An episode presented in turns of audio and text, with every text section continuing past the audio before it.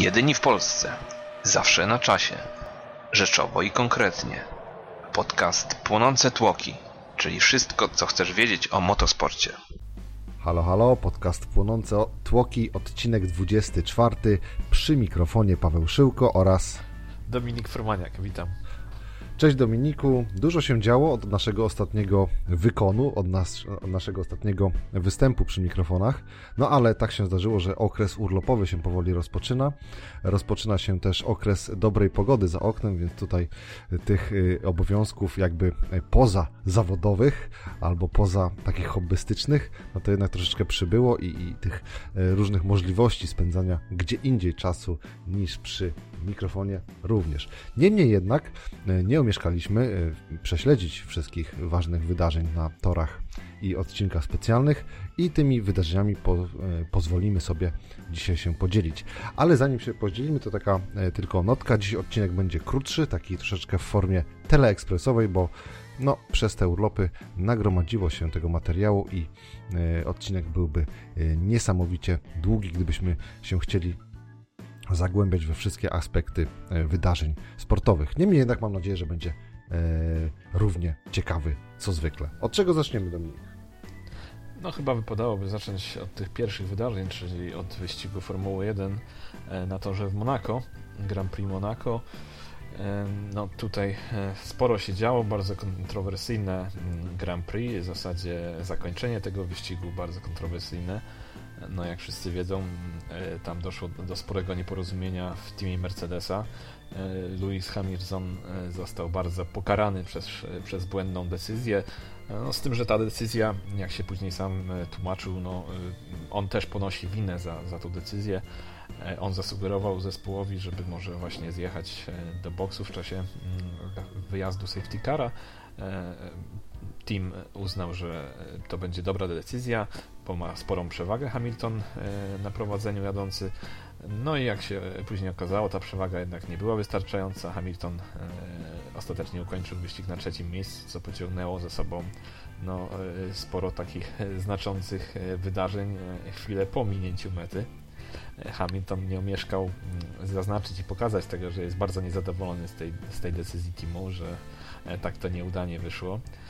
No, bardzo długo manifestował zjeżdżanie do, do dekoracji, później jeszcze uderzył przecież w tą tablicę z miejscem na, na podium, które wskazuje zatrzymanie się bolidu. No ale już w wywiadach pokazał klasę i, i powiedział, że no wiadomo, wygrywa się razem, przegrywa się razem. No i tam specjalnie nic nie, nie zdrugał szefów zespołu i odpowiedzialnych za podjęcie tej decyzji, ale jak później pokazały kamery, narada bezpośrednio po, po wyścigu była bardzo burzliwa i gorąca. No ja sądziłem, szczerze mówiąc, nie wiem jak ty, ale sądziłem, że po tym wydarzeniu w teamie Mercedesa posypią się głowy tam. James Wolves to jest szef strategów Mercedesa, no już drugi raz przecież popełnił taki dosyć znaczący błąd. Tak, no. Także no, za taką recydywę myślałem, że ktoś tam poleci, ale tak się, no, tak się nie stało. No nie, nie. Chyba są, po pierwsze są zbyt pewni siebie i nawet takie błędy, oni dobrze chyba sobie zdają sprawę, szczególnie Toto Wolf i, i Niki Lauda, czyli ci, którzy są na samym e, e, topie oni sobie dobrze zdają sprawę z tego, że mają tak wielką przewagę, że nawet utrata e, pierwszej pozycji na rzecz trzeciego miejsca przez Louisa Hamiltona nie wpłynie znacząco na ostateczną e, klasyfikację. W ostatecznym rozrachunku i tak Lewis Hamilton, bądź też Nico Rosberg w najgorszym przypadku e, będą, będą jakby zwycięzcy z tego wyjdą. Ale ja o czymś innym chciałem tutaj powiedzieć, bo no wiadomo, to można obarczać poszczególne osoby winą za takie, a nie inne decyzje.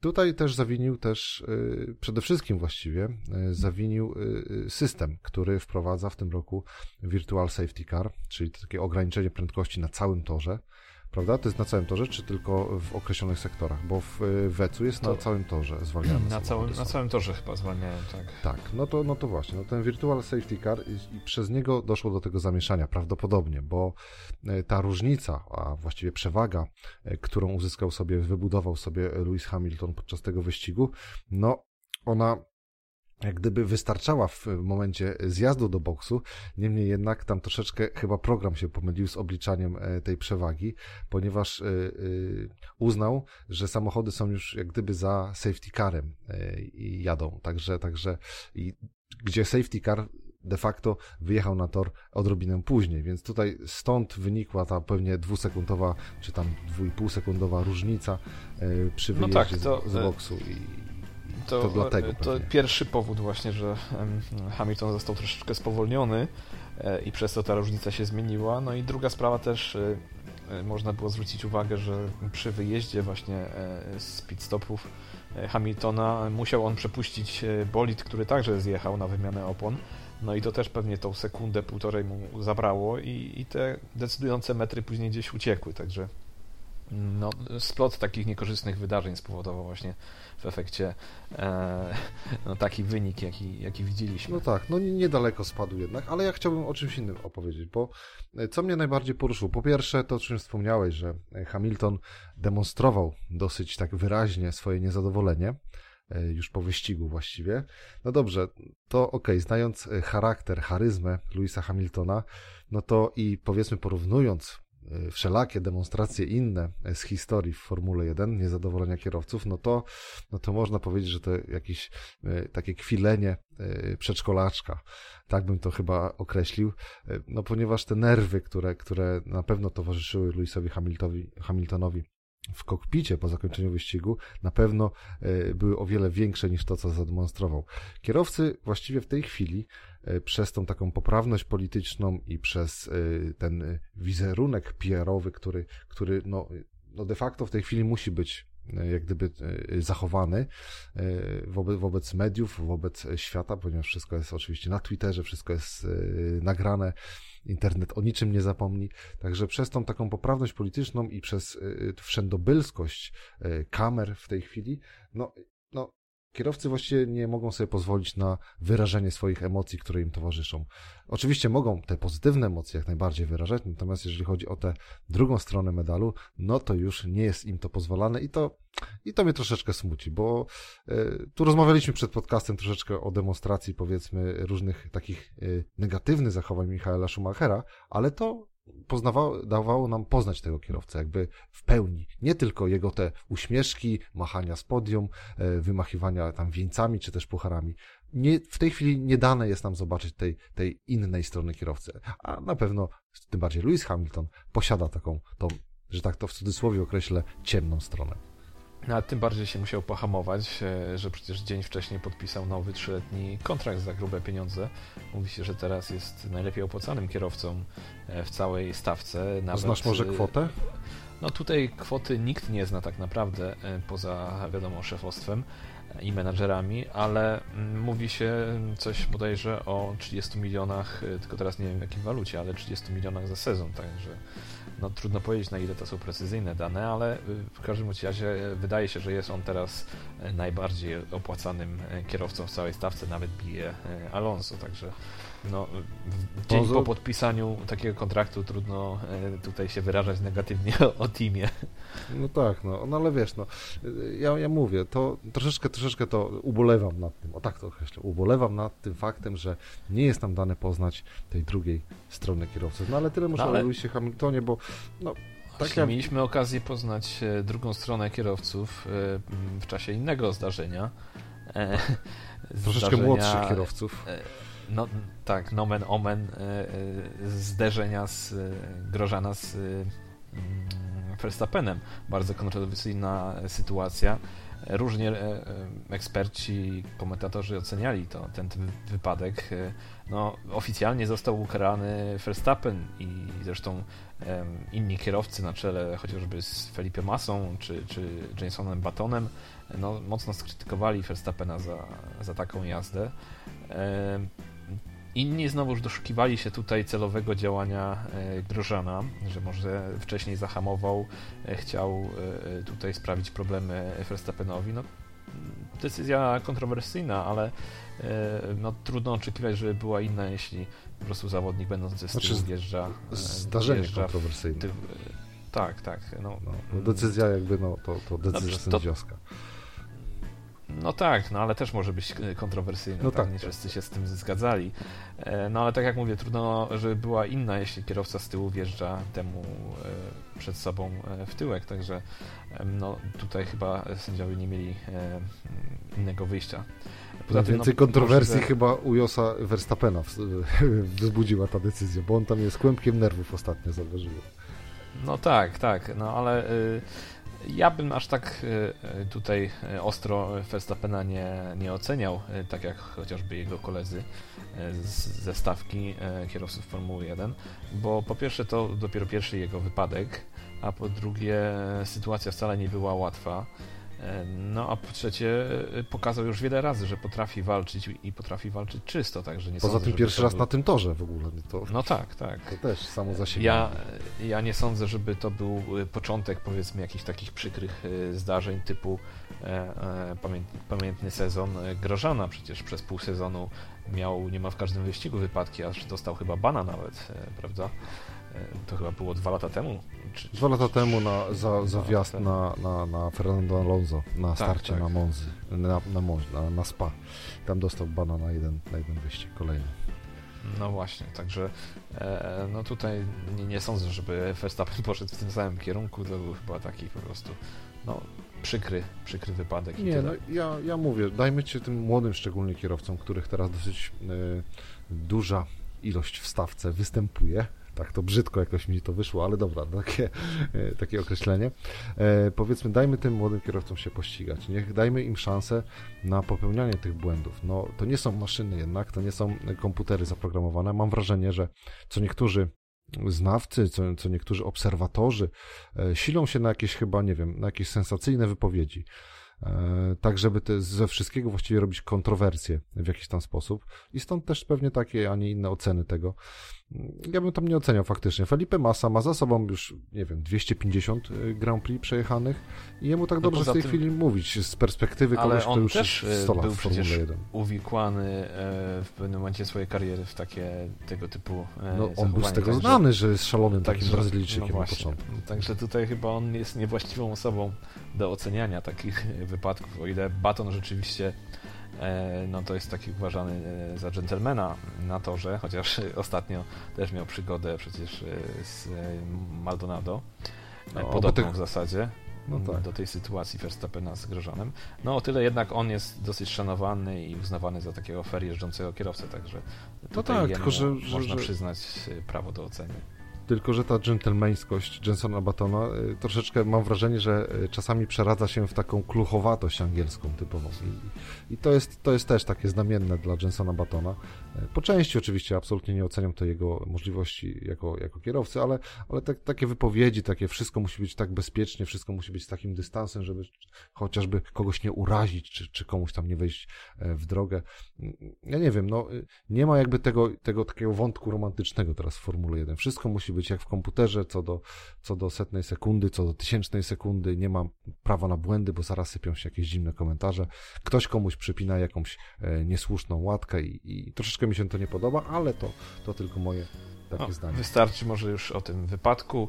E, jeszcze jedna e, warta odnotowania rzecz w tym wyścigu to no bardzo ważne pierwsze punkty McLarena po dobrych kwalifikacjach Jensona Battona. Startował z dziesiątej pozycji no, udało mu się dojechać na punktowanym ósmym miejscu, także McLaren zaliczył dobry e, występ mimo e, niedojechania do mety Fernando Alonso. E, no, Który coraz punkty... mniej się uśmiecha. No tak, no ale trudno, trudno już, żeby nie tracić cierpliwości, kiedy no, w kolejnym wyścigu w Kanadzie również okazało się, że, że McLaren wcale nie idzie do przodu, także kolejne awarie. E, no tutaj to Monaco było szczęśliwe z tymi punktami, ale już, już w Kanadzie mm, McLaren powrócił, e, można powiedzieć w cudzysłowie, do swojej formy. No i, i znowu bolidy e, nie dojechały do mety, oba. Kiepskie wyniki i tutaj ja szczerze mówiąc już straciłem jakieś tam wiarę w ten team, że, że może oni zaczną iść do przodu i wygląda na to, że chyba w tym sezonie już nic dobrego z nich nie będzie. Natomiast jeżeli chodzi o jakby poprawę i wyścig w Monako, no to tutaj Renault troszeczkę nas chyba zaskoczyło. Daniel Kwiat i Daniel Ricardo kolejno czwarte i piąte miejsce na mecie tego wyścigu. No, taki solidny, mocny występ, chociaż tutaj faktycznie Monaco jak gdyby sprzyjało. Specyficzny wyścig. Tak, tak. tak. Monaco sprzyjało RB11.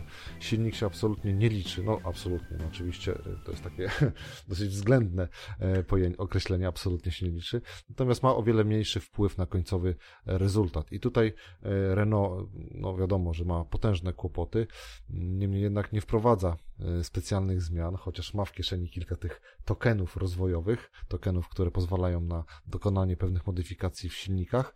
No, nie stosują tego.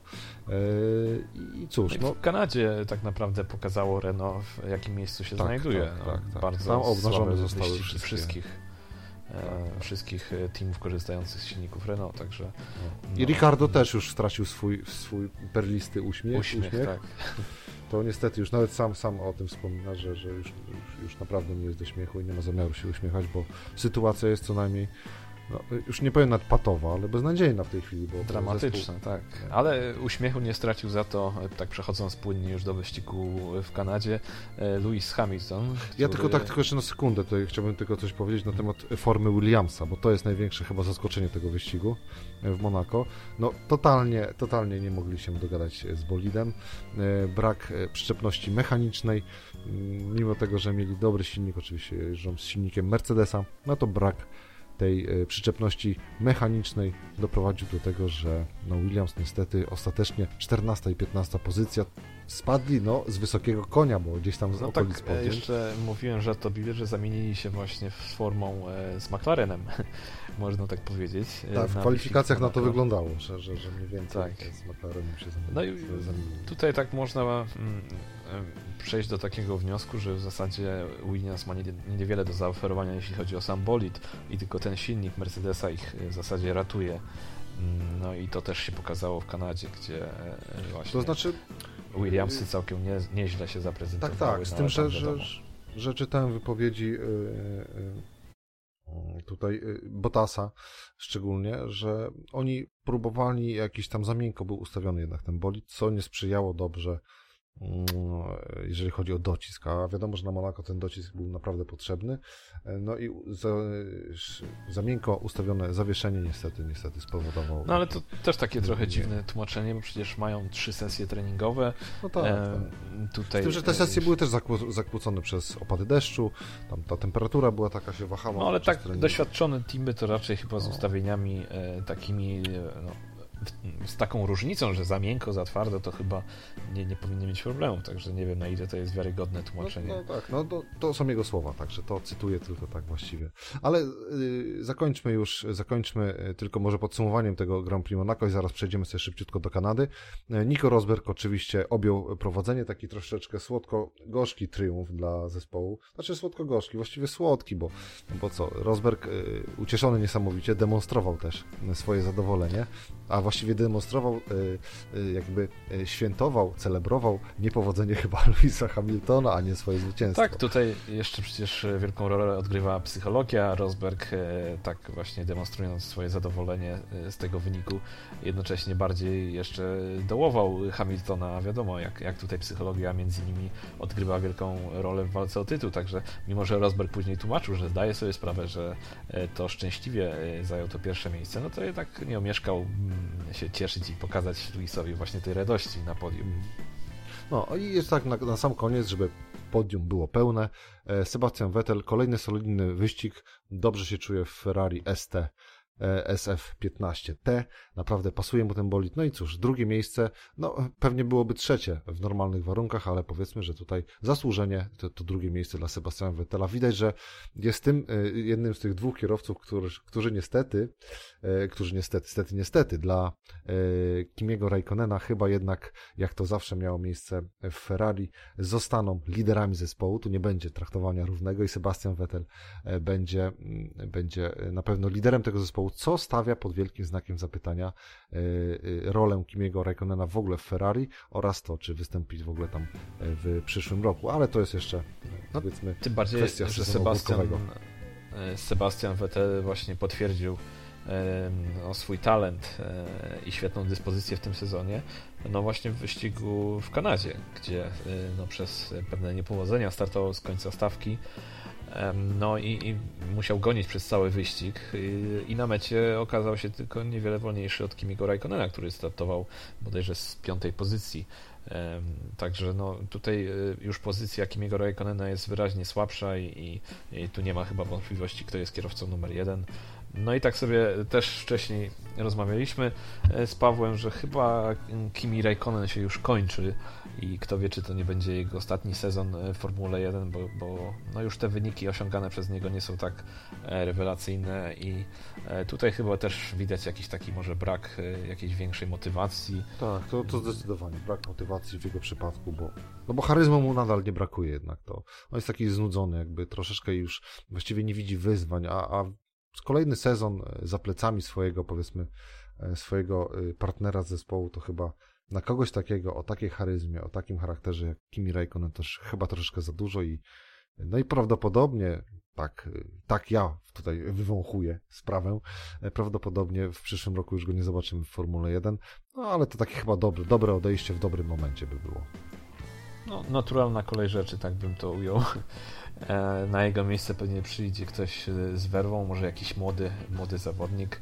Przecież e, tutaj Ferrari ma, ma swoich podopiecznych, także na pewno umieści kogoś, kto, kto tchnie trochę ducha w ten drugi bolid i, i będzie osiągał może nie, nie, nie, takie rezultaty jak Sebastian Vettel, ale, ale przyzwoite całkiem, no, nie gorsze może od Kimiego Raikkonena obecnie, także no tutaj chyba wymiana e, pokoleniowa jest e, wskazana w tym no miejscu. Tak, zdecydowanie, zdecydowanie tak. No, jeżeli chodzi o nowe pokolenie, no to jeszcze Walteri Bottas oczywiście też się zalicza do tego e, pokolenia nowego, nowego na rybku, no to trzeba nadmienić, że w Kanadzie Walteri Bottas też pojechał bardzo ładny wyścig, w odróżnieniu od tego z Monaco, no, gdzie w Kanadzie zameldował się na trzeciej pozycji zasłużenie, taki best of the rest e, wynik właściwie, bo, bo, bo solidny, solidny bardzo wynik. Chociaż gdyby miał za plecami Sebastiana Vettela, e, a właściwie przez cały wyścig goniłby Sebastiana Vettela, no, i no gdyby nie, wiem, nie czy, też czy e, pudło.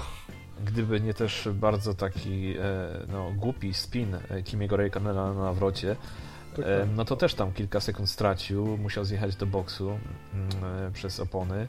No i na mecie zameldował się 5 sekund za Bottasem, także Bottas pewnie by do końca musiał ostro walczyć z Kimim i nie wiadomo, czy by to podium uzyskał, także no troszkę miał też szczęścia, ale jednocześnie chciałem zwrócić uwagę mm, na to, że y, mówiło się, że tutaj Ferrari nowy silnik y, przywiezie. No, y, rzeczywiście Sebastian Vettel korzystał z nowego, nowej specyfikacji bolidu mm, w Kanadzie ale mówiło się, że Ferrari już będzie tuż, tuż e, za Mercedesem, a może nawet e, wyprzedzi Mercedesa, niektórzy tak e, odważnie twierdzili, a jednak na mecie się okazało, że kolejny bolid po Mercedesie, czyli Williams Bottasa miał 40 sekund straty na mecie, także i, i to no, cały wyścig był kontrolowany przez, przez obu kierowców Mercedesa. Wydaje się, że jechali tak, no, nie na, na pewno nie na 100% kontrolując po prostu paliwo, hamulce, no i spokojnie sobie dojechali do mety, także e, ta, ta przewaga Mercedesa jest e, nadal znacząca, mimo że oni e,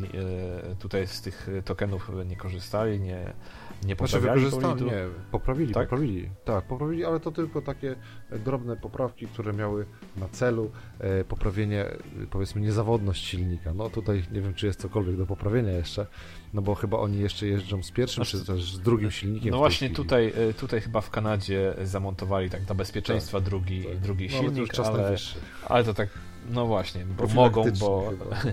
bo przecież nie będą e, na jednym silniku całego sezonu jechać, także e, zamontowali, żeby było wszystko ok, niespodzianek Oni... nie było, ale...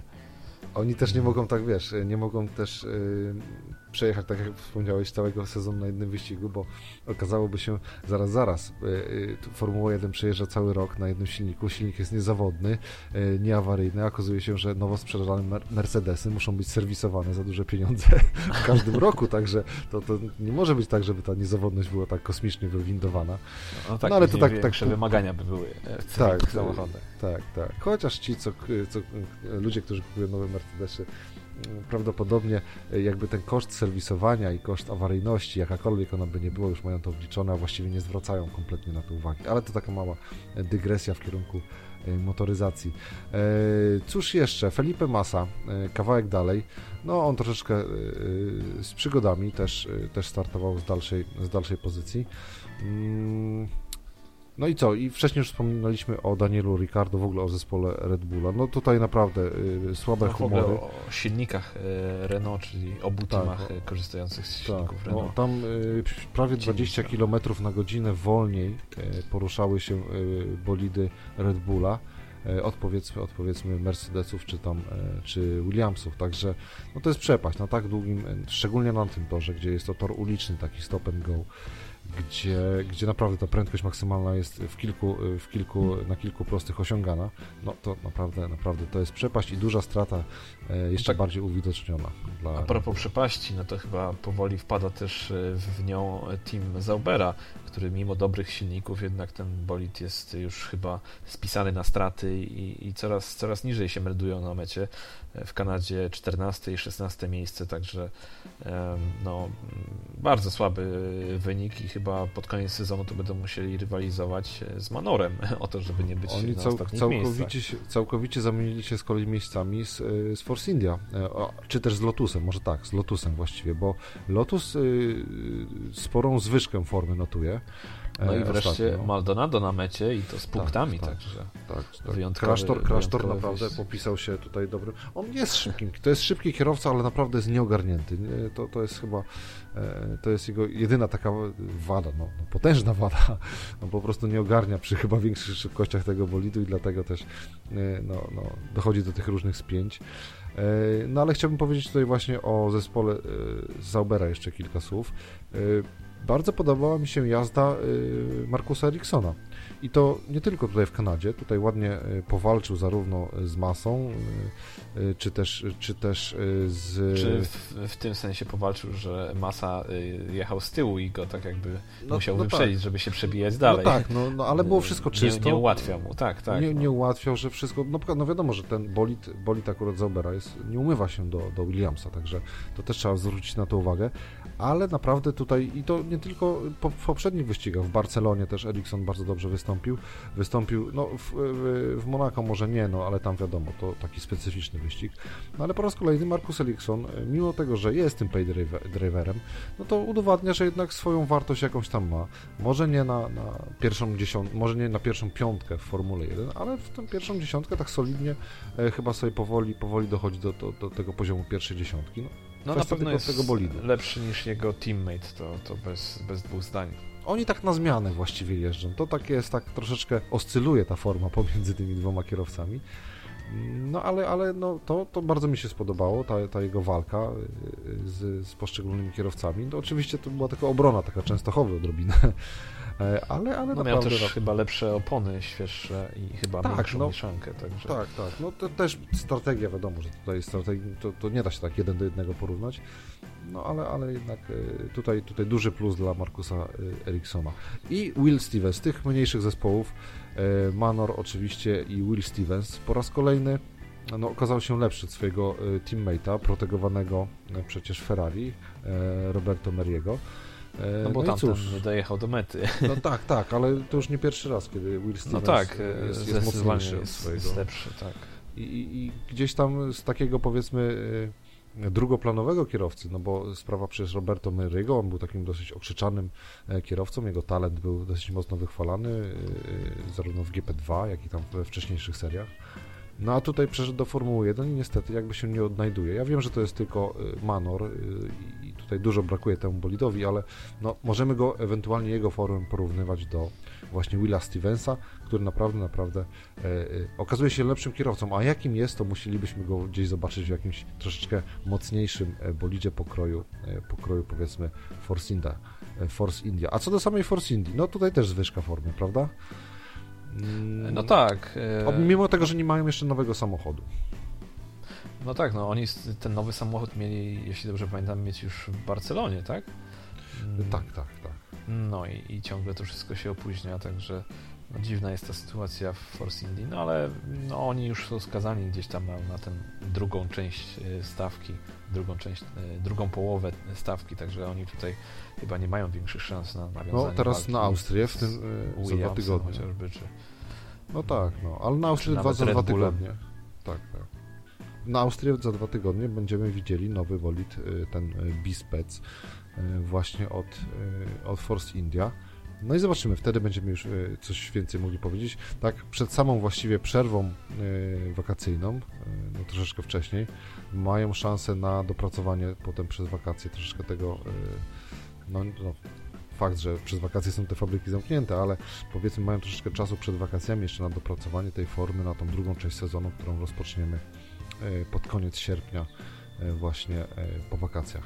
E, dobrze, coś jeszcze na temat? Jakieś ciekawe informacje? Właściwie no wyścig standardowy. By e, Lewis Hamilton wygrał. tak. formułę. Tak, no, Lewis Hamilton wygrał, jeżeli gwoli ścisłości jeszcze tylko. Lewis Hamilton wygrał przed Nico Rosbergiem oraz Walterim e, Bottasem. Tutaj nic się nie zmienia jakby na, na samym czele tej stawki. Drob, niewielkie wahnięcia formy, czy to z jednej, czy z drugiej strony, a właściwie rzędu powiedzmy 3-4 dziesiątych, to są takie na, na porządku dziennym, więc tutaj za bardzo nie ma co się e, zagłębiać, ale może tutaj dajmy już spokój z Formułą 1, przejdźmy może na troszeczkę e, bardziej, e, troszeczkę cieplejsze rejony. Przenieśmy się do Portugalii, gdzie rozegrana została kolejna runda WRC, e, rajd Portugalii. Może, może jeszcze występ... wcześniej e, wspomnijmy parę słów o rajdzie z cyklu ERC, czyli European Rally Championship. No w takiej kolejności no, możemy też to zrobić. Oczywiście. Tam Kajetan Kajetanowicz kolejną rundę miał okazję pojechać, rajd Azorów. No tutaj wszyscy sobie ostrzyli zęby na, na walkę z Craigiem Brinem. No i rzeczywiście ta walka była ekscytująca. No tak naprawdę E, większość innych kierowców raczej się już nie liczyła, także oni dwaj e, tutaj pokazali e, dobrą walkę, fajne ściganie. No i Brin, jak zwykle w zasadzie w tym sezonie okazał się szybszy, ale różnica nie była duża. Kajetanowicz też wygrał parę odcinków, troszeczkę narzekał na opony, bo, bo on jechał na Pirelkach, a, a Brin na Michelinach i trochę podobna jest sytuacja jak w WRC z tymi oponami. E, natomiast no, e, fajna walka, Kajetanowicz ostatecznie drugi na mecie za Craigiem Brinem. No, niestety stracił e, w generalce Kajetanowicz prowadzenie. No i też warto zauważyć, że Craig Brin wszystkie rajdy, gdzie startował razem z Kajtanowiczem, wygrał oprócz, oprócz tego no pierwszego, gdzie bije, bije naszego zawodnika. Także jeśli już mają okazję ścigać się razem, no to jednak e, Craig Brin okazuje się lepszy, także no, raczej on jest tutaj faworytem w walce o Mistrzostwo Europy. Chociaż jeszcze do końca połowa sezonu dopiero właściwie. Tak, tak, no, nawet mniej niż połowa sezonu oczywiście. E, no, tutaj zdarzenia losowe różne mogą mieć przecież miejsce, także zobaczymy jak to będzie wyglądało. No ale e, wiadomo już, że, że między tymi dwoma kierowcami w zasadzie walka będzie o, o mistrzowski tytuł. No i to chyba tyle, jeśli chodzi o rajd e, Azorów. E, no, jeszcze piękne widoki. Ja bym, chciał, ja bym jeszcze tylko chciał powiedzieć tylko piękne widoki faktycznie. Azory, mimo tego, że tam e, troszeczkę tutaj rozmawialiśmy przed podcastem, troszeczkę narzekaliśmy na to, że nie było wielkich tego sportu, znaczy wielkich tego sportu, tej kategorii, właściwie tych najlepszych kierowców, oprócz Brina i Kajetanowicza, no ale to z wiadomych względów to są faworyci i pretendenci główni do, do tytułu mistrza Europy. No ale troszeczkę zabrakło tych mocnych zawodników e, z, z tej drugiej, dalszych e, pozycji e, w stawce. No, no wiadomo, Azory jednak troszeczkę odległa destynacja, jeżeli chodzi o, o kolejną rundę ERC. No i troszeczkę, ale brak kierowców na pewno wynagrodziły nam widoki. To, co zostało nam zaprezentowane podczas tego rajdu, szczególnie w transmisjach no, Eurosportu, no bardzo mi się podobało. To, że ktoś postanowił umiejscowić na na, na środku Atlantyku, powiedzmy, e, e, taki rajd e, w takim klimacie, na takich wyspach, no, no duże, duże brawa za, za pomysłowość i za, no za to, że, że, że, że no faktycznie oprócz tego widowiska całego sportowego, no to mamy okazję podziwiać te piękne widoki. Bardzo tutaj największy chyba plus tego rajdu i zaleta obecności rajdu właśnie na, na Azorach.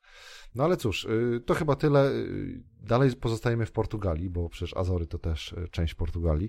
Dalej pozostaniemy w Portugalii, tym razem przenosimy się o szczebelek wyżej, przenosimy się do WRC.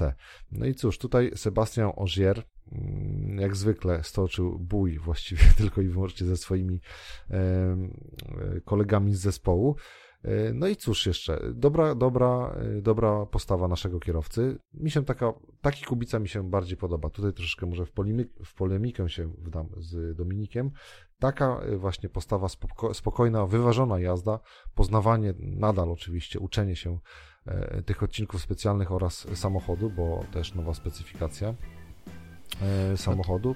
Więc ja, ja bym był raczej za takim Kubicą niż takim troszeczkę szalonym Oczywiście o, o, wiele bardziej szybszym, ale jednak ja bym widział takiego Kubicę przynajmniej w tych początkowych sezonach w WRC. No, tutaj zdania mogą być podzielone, różne opinie. E, natomiast Kubica wyraźnie powiedział przed właśnie tym rajdem Portugalii, że zamierza dowieść e, samochód cało do mety, że będzie zmienia strategię, będzie spokojnie jechał. E, no i tak też było, jechał bezbłędnie, tutaj naj, najmniejszych błędów nie popełnił wszystkie odcinki w zasadzie kończył e, w granicach 8-9 e, miejsca. E, tutaj też ten rajd nie, nie zebrał jakiegoś żniwa, jeśli chodzi o wypadki czy awarie, także wszyscy kierowcy chyba nawet z tej czołówki dojechali do mety, jeśli dobrze pamiętam. Mm, także no też Kubica taką jazdą nie mógł sobie przysporzyć jakiegoś wysokiego miejsca. Ostatecznie zajął dziewiąte miejsce. No najlepiej spoza tych fabrycznych teamów, także no powiedzmy, że standardowo dojechał do mety, e, tak jak powinien. Mm, no a jeśli chodzi o, o e, wyniki w czołówce, to tutaj Ogier miał e, trudną sytuację z racji tego, że mm, czyścił przecież trasę, a, a wiadomo jak to jest z szutrowymi trasami, no niestety wtedy przecierając te szlaki sporo się traci, no i też Ogier nie, nie, nie omieszkał wspomnieć o tym na mecie, że tak trochę może niegrzecznie powiedział, że wygrał kierowca, który nie był e, najszybszy, e, najlepszy i no Latwala tutaj mógł się troszeczkę obrazić, bo to Latwala właśnie e, wygrał rajd. Ożier, Ożier też mówił, że, że walczył z FIA, nie? To, to było no tak, tak. No bo te przepisy właściwie. są rzeczywiście kontrowersyjne. No, próbowano w przeszłości różnych rozwiązań. ciężko znaleźć takie uniwersalne, które by się Ktoś musi być pierwszy. No, w każdych warunkach. No właśnie. No i Ogier nawet mimo, że y, przeciera trasy, to i tak potrafi wygrywać rajdy, także e, tutaj i tak go nie powinno to boleć. Boleć może to, że nie przeszedł do historii wygrywając czwarty rajd y, z kolei, bo to, to mogło być jego celem. No nie udało się, zabrakło 8 sekund, dzielnie gonił Latwale.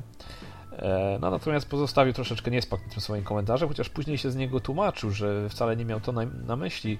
E, miał na myśli to, że, kierowca, że kierowca który no, mm, najbardziej się starał, na największy postęp zrobił w trakcie tego weekendu, e, no, nie, nie wygrał tego rajdu. W tym sensie może tak łagodząc ale, trochę. Ale Latwala też nie pozostał bierny na komentarze Ożiera, bo też odpowiadał tam, że, że faktycznie na początku to, to jechał na 100%, ale później już kiedy objął tą przewagę, bo tam ta przewaga około 20 sekund była i dopiero później Ożier zaczął tak odrabiać.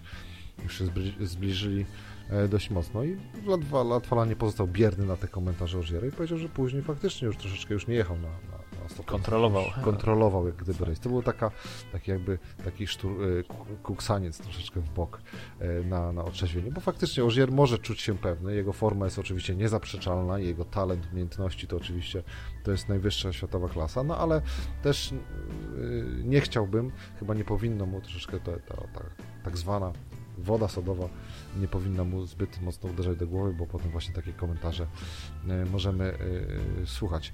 E, coś no jeszcze? Volkswagen potwierdził swoją dominację, pierwsze trzy miejsca. Zawsze to samo jak, mówimy. Jak zwykle. No tak, to już bez, bez niespodzianek, ale jednocześnie chciałem zaznaczyć, że Chris Mick pokazał po raz kolejny, że jako jedyny może się włączyć trochę chociażby do tej walki właśnie z Volkswagenami. Mm, przez dłuższy czas dotrzymywał im kroku i, i no, nawet na mecie nie był tak daleko, 48 sekund e, straty do, do lidera. Także on jako jedyny wygląda, bo ani Fordy w, mają w swoich szeregach Tanaka, czy młodych kierowców, czy Evansa nie są w stanie. Ani Sordo w Hyundaiu, ani, ani inni, Neville też, też, też nie za bardzo. Tak samo no, pozostali kierowcy e, Citroena, Osberg też, e, też nie prezentuje najwyższej formy, także wygląda na to, że tylko Mik jest w stanie trochę tam pomęczyć się no, ale wiesz, no, w Volkswagenie. Mimo, mimo, mimo to nadal Mik jest niżej niż Osberg w, w klasyfikacji generalnej, także no, także to jeszcze nic nie jest przyczyn. No to, to wiadomo, to w rajdach tutaj. No ale pecha, pecha pozbył się w końcu właśnie e, podczas tego rajdu e, Jari Mati Latwala, który to był jego już groziło mu praktycznie, e, groził mu czwarty nieukończony rajd. E, no ale udało się, w końcu się udało. E, no, w końcu przełamał tą złą pasę tych trzech poprzednich nieukończonych rajdów. No i w tej chwili, w tej chwili ukończył i to z dobrym wynikiem. No jak sam wspominał po, po rajdzie, bardzo zadowolony zresztą, już sam sobie zadawał pytanie, czy, czy co on właściwie robi w tych mistrzostwach i, i jaki no tak, dalszy to, sens. To dopiero drugi ukończony rajd przez niego tak, w tym tak, sezonie, tak. na 5 pięć rajdów, także tak, rzeczywiście. Tak. Także tu jest taka podbudowa troszeczkę e, psychiczna przede wszystkim, bo o to chodzi dla Latwali. No, ja bym tu jeszcze go nie wykluczał y, y, z, y, z, z, walki, chociaż patrząc na różnicę punktową, no to raczej, raczej byśmy musieli liczyć na duży pech, jakieś awarie techniczne u Sebastiana Ożiera. No ale... No, przy, przy tak dobrym samochodzie tak, to, tak, to jest tak. praktycznie niemożliwe. No.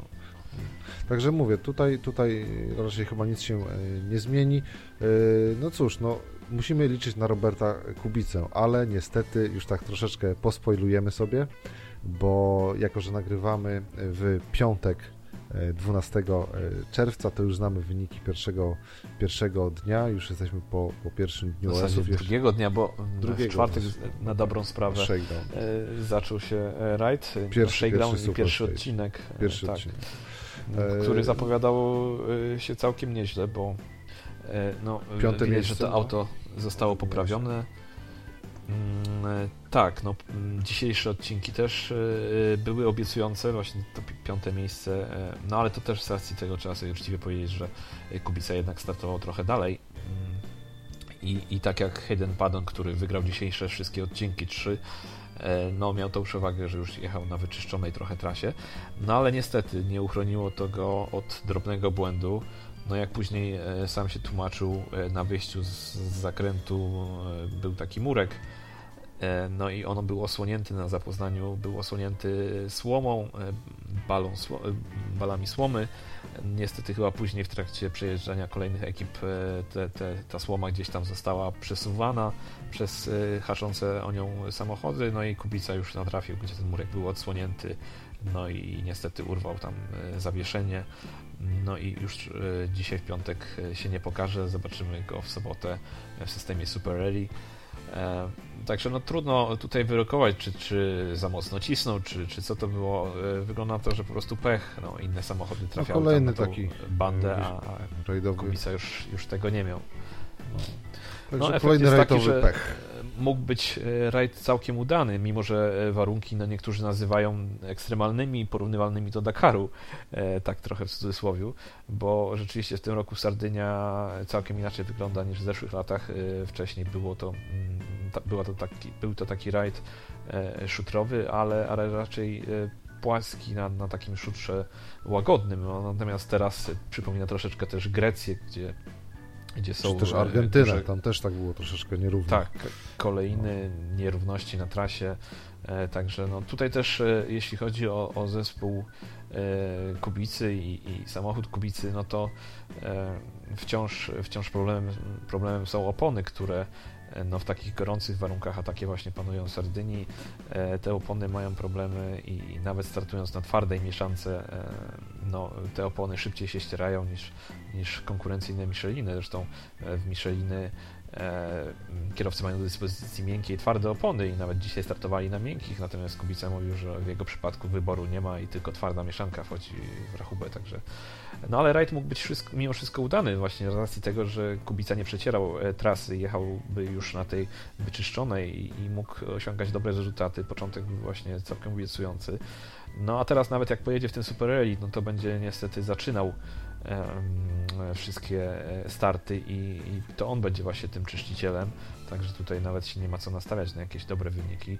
E, no ale tak na usprawiedliwienie też można powiedzieć, że Chris Mick na pierwszym takim w zasadzie już konkretnym odcinku specjalnym, nie licząc tego Super Stage'a, e, też rolował i, i, zakończył na dzisiaj swój rajd.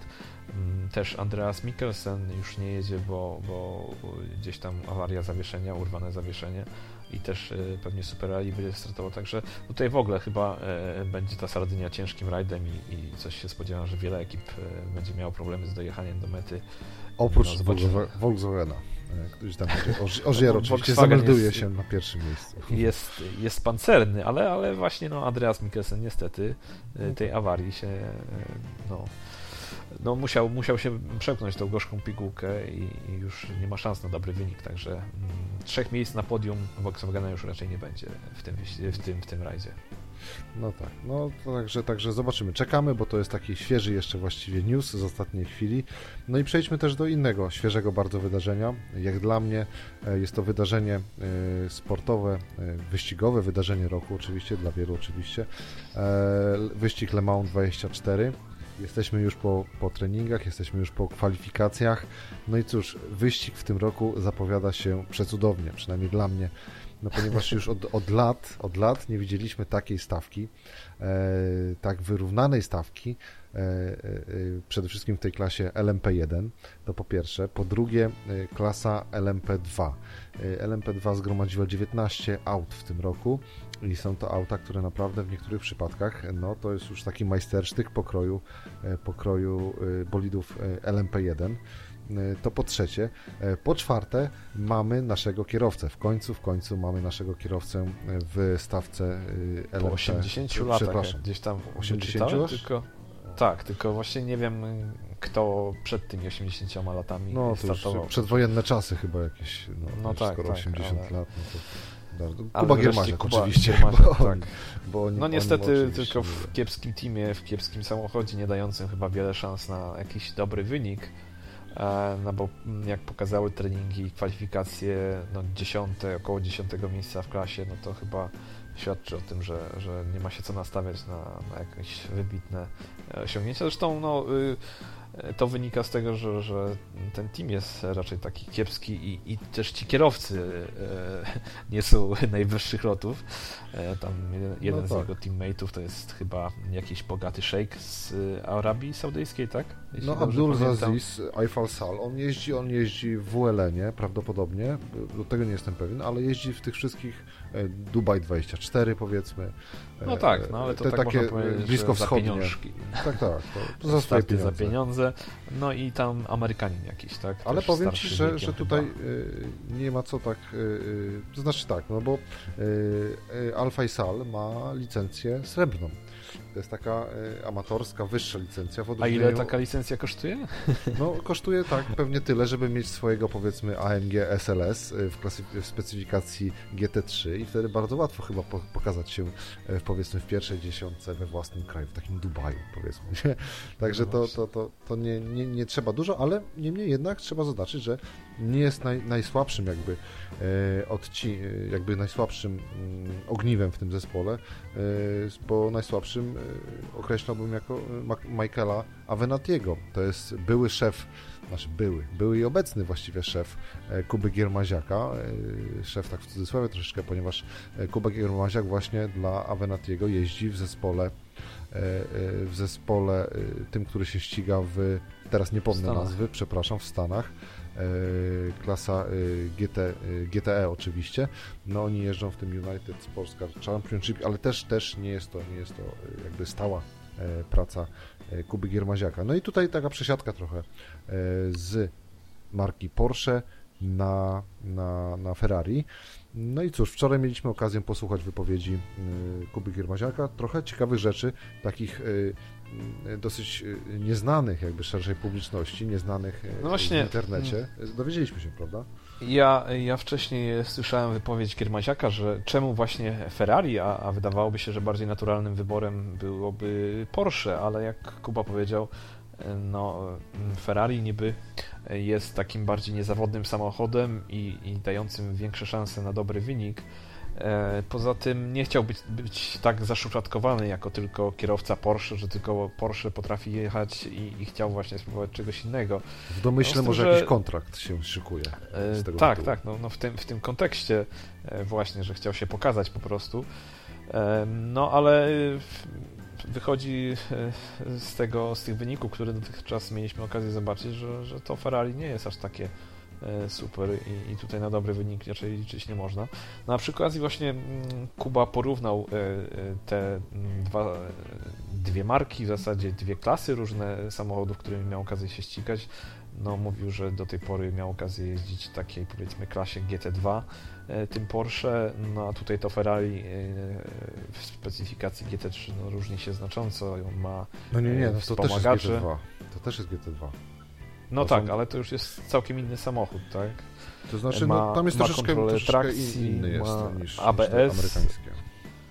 E, zresztą sam Kuba powiedział, że tej kontroli trakcji nie, nie używa, bo, bo jakoś nie, niespecjalnie mu napasuje, e, a ze swoich doświadczeń wcześniejszych no chyba ma na tyle opanowane te umiejętności jazdy takim samochodem GT, że, że może sobie poradzić bez tego, no i pewnie też osiąga dzięki temu lepszy rezultat.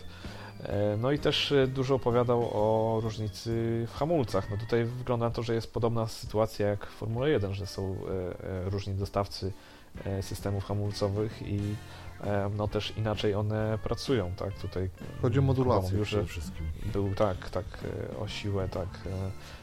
Tutaj był zdziwiony, że aż tak mocno musi naciskać ten pedał hamulca i E, no jeszcze mówił, że nie, 100%, nie na 100% czuje to i, i mówi, że jeszcze zdecydowanie może się poprawić e, również jeśli chodzi o czasy dzięki temu. No tak, także tutaj naprawdę ja wczoraj byłem pod wielkim wrażeniem e, transmisji tutaj e, Eurosportu i tym, że tym, co, co Kuba Giermaziak mówi, oby więcej takich jakby insiders news, to, to jest naprawdę, naprawdę fajna, e, fajna sprawa. Z pierwszej ręki, jak gdyby słuchać o tym wszystkim, co dzieje się, co dzieje się na torze i wokół niego oczywiście. No ale to cóż, no będziemy oczywiście trzymać za Kubę mocno kciuki. To jest naprawdę taki mocny, mocny przyczynek, mocny powód dlatego, żeby nie spać, nie, nie kłaść się jednak ani na chwilkę e, tego w ten weekend e, spać i śledzić od początku przez 24 godziny e, na dobę ten wyścig. Ja oczywiście mam zamiar, ale przejdźmy może z tej takiej najniższej klasy, w której jeździ Kuba Giermasiak, przejdźmy z kolei na drugą stronę skali do bolidów LMP1. No i cóż, e, w tym roku no, przepiękna walka się szykuje, ponieważ e, Audi po raz kolejny, już enty z rzędu, broni swojego e, tytułu. Tytułu oczywiście zwycięzcy Le Mans, ponieważ w zeszłym roku nie udało im się na rzecz Toyoty zdobyć tytułu mistrza świata w wyścigach długodystansowych.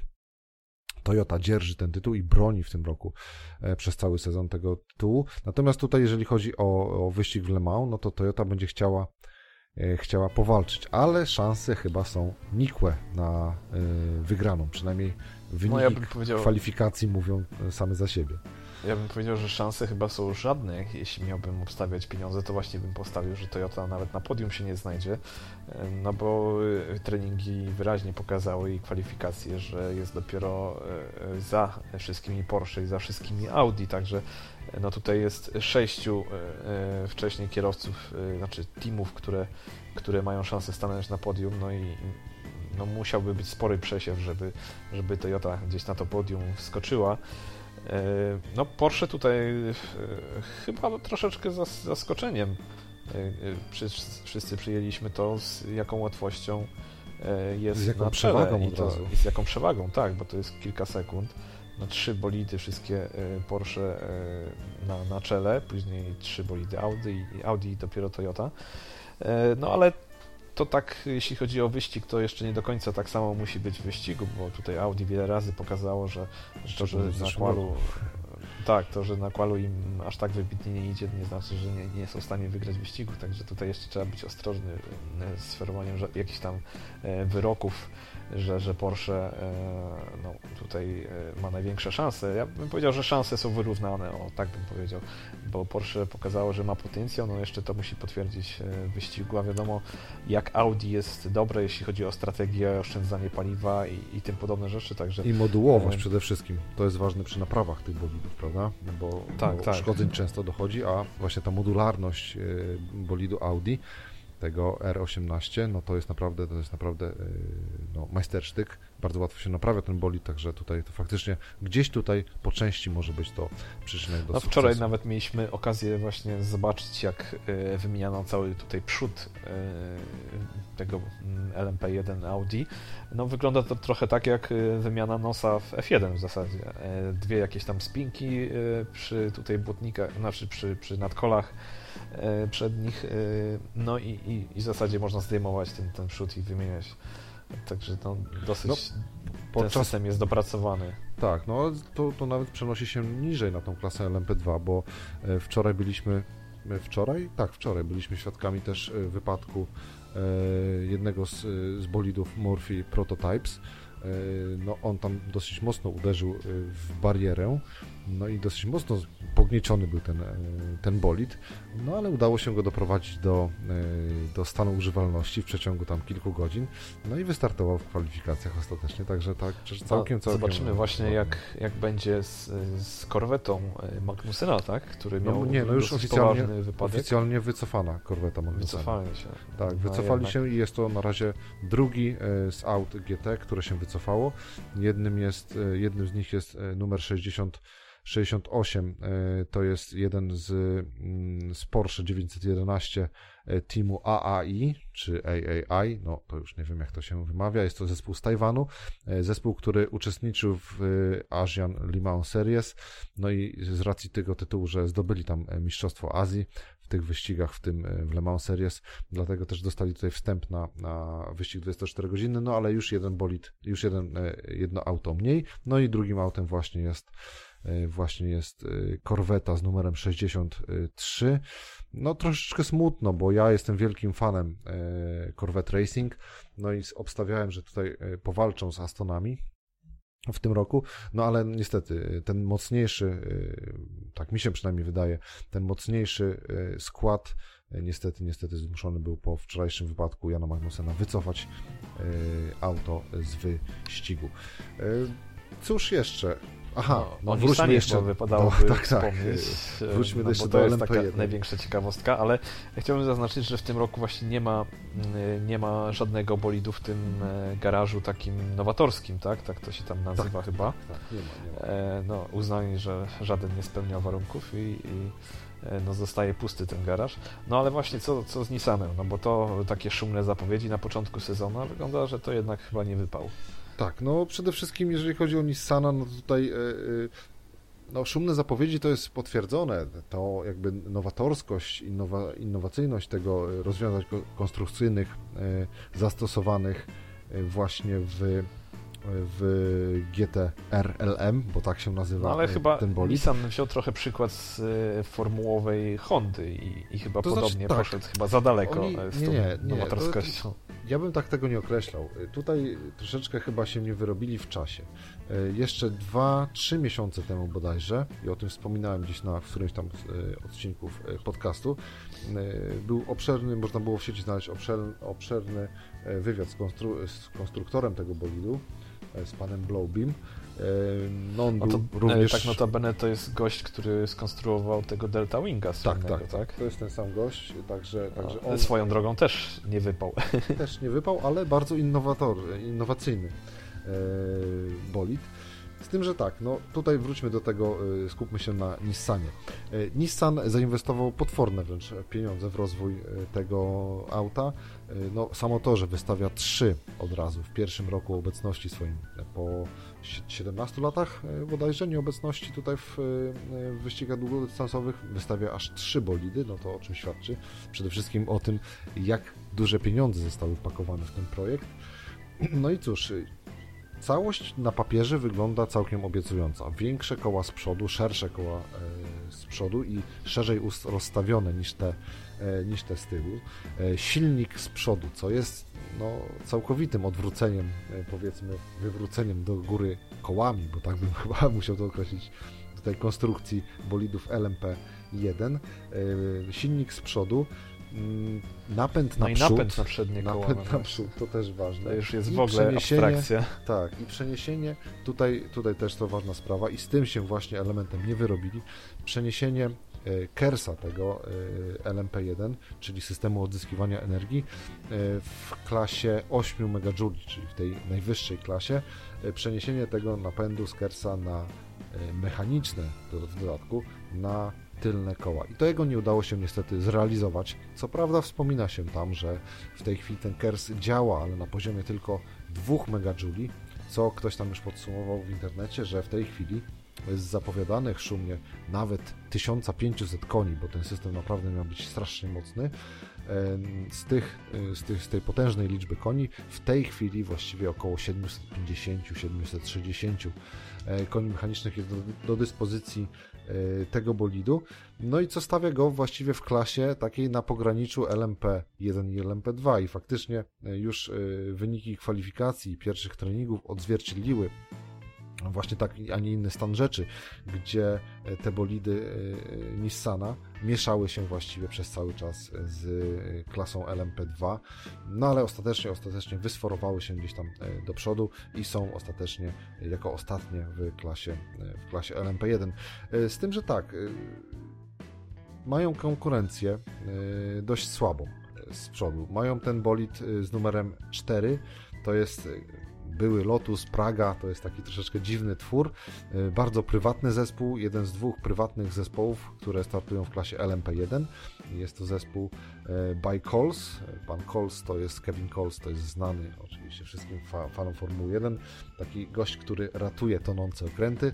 No i w, tej, e, w zeszłym roku też uratował ton, tonący zespół Lotus Praga i, i w tym roku pod szyldem Team by Coles Y, właśnie wystawia ten bolid prywatny całkowicie w klasie LMP1. Także tutaj Lotus, y, mm, przepraszam, Nissan będzie mógł powalczyć sobie z, z Team by Coles i być może z Rebellionem, ponieważ Rebellion w tym roku zrezygnował z silników y, Toyoty, nie korzysta z tych mocnych 3,7 litrowych benzynowców Toyoty, przestawili się na troszeczkę bliższy swojej marce silnik angielski AR, V6 dwu biturbo, no tak to nazwę, podwójnie doładowana V6, więc tutaj ten bolid jest dosyć obiecujący.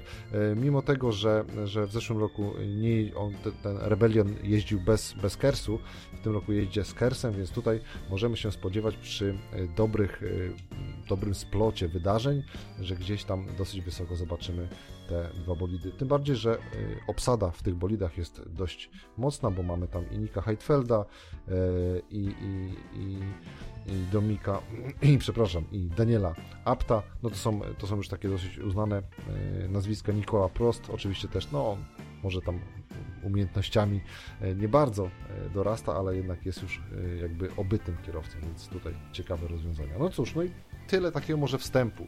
Trzymamy kciuki od jutra. Nie wiem, czy Dominik masz zamiar siedzieć całą noc, ale ja oczywiście jak co roku tak. No w nocy niestety chyba nie dam rady, ale na pewno będę więcej śledził niż, niż zazwyczaj do tej pory, ze względu chociażby na Giermaziaka. Także na pewno przynajmniej te, te pozanocne e, części e, wyścigu będę oglądał. Będę cię męczył SMS-ami w nocy, jak coś się wydarzy. spokojnie. To już wiem, że mam wyłączyć komórkę. No. No, i, no i cóż, no, to by było na tyle w dzisiejszym odcinku. Troszeczkę taki, troszeczkę przelecieliśmy przez te wszystkie wydarzenia, które miały ostatnio w przeciągu ostatnich dwóch tygodni miejsce. No, mam nadzieję, że, że wszystko udało się zgrabnie, ładnie podsumować. E, no i cóż, za, za, zapraszamy już niedługo, bo e, nie wiem, czy za dwa tygodnie chyba zrobimy kolejny podcast, niecałe dwa tygodnie po wyścigu w Austrii. Kiedy to no i może też po, po rajdzie Polski, bo e, piąty, bodajże 5 lipiec jest rajd Polski, to może aż e, dopiero wtedy. No zobaczymy jak to wyjdzie. Zobaczymy ile, ile tu się uskłada nam tych, tych wszystkich wydarzeń e, na torach i odcinkach specjalnych. Na dzisiaj już dziękujemy, kłaniam się e, nisko, Paweł Szyłko i Dominik Furmaniak. Cześć. Trzymajcie się, cześć.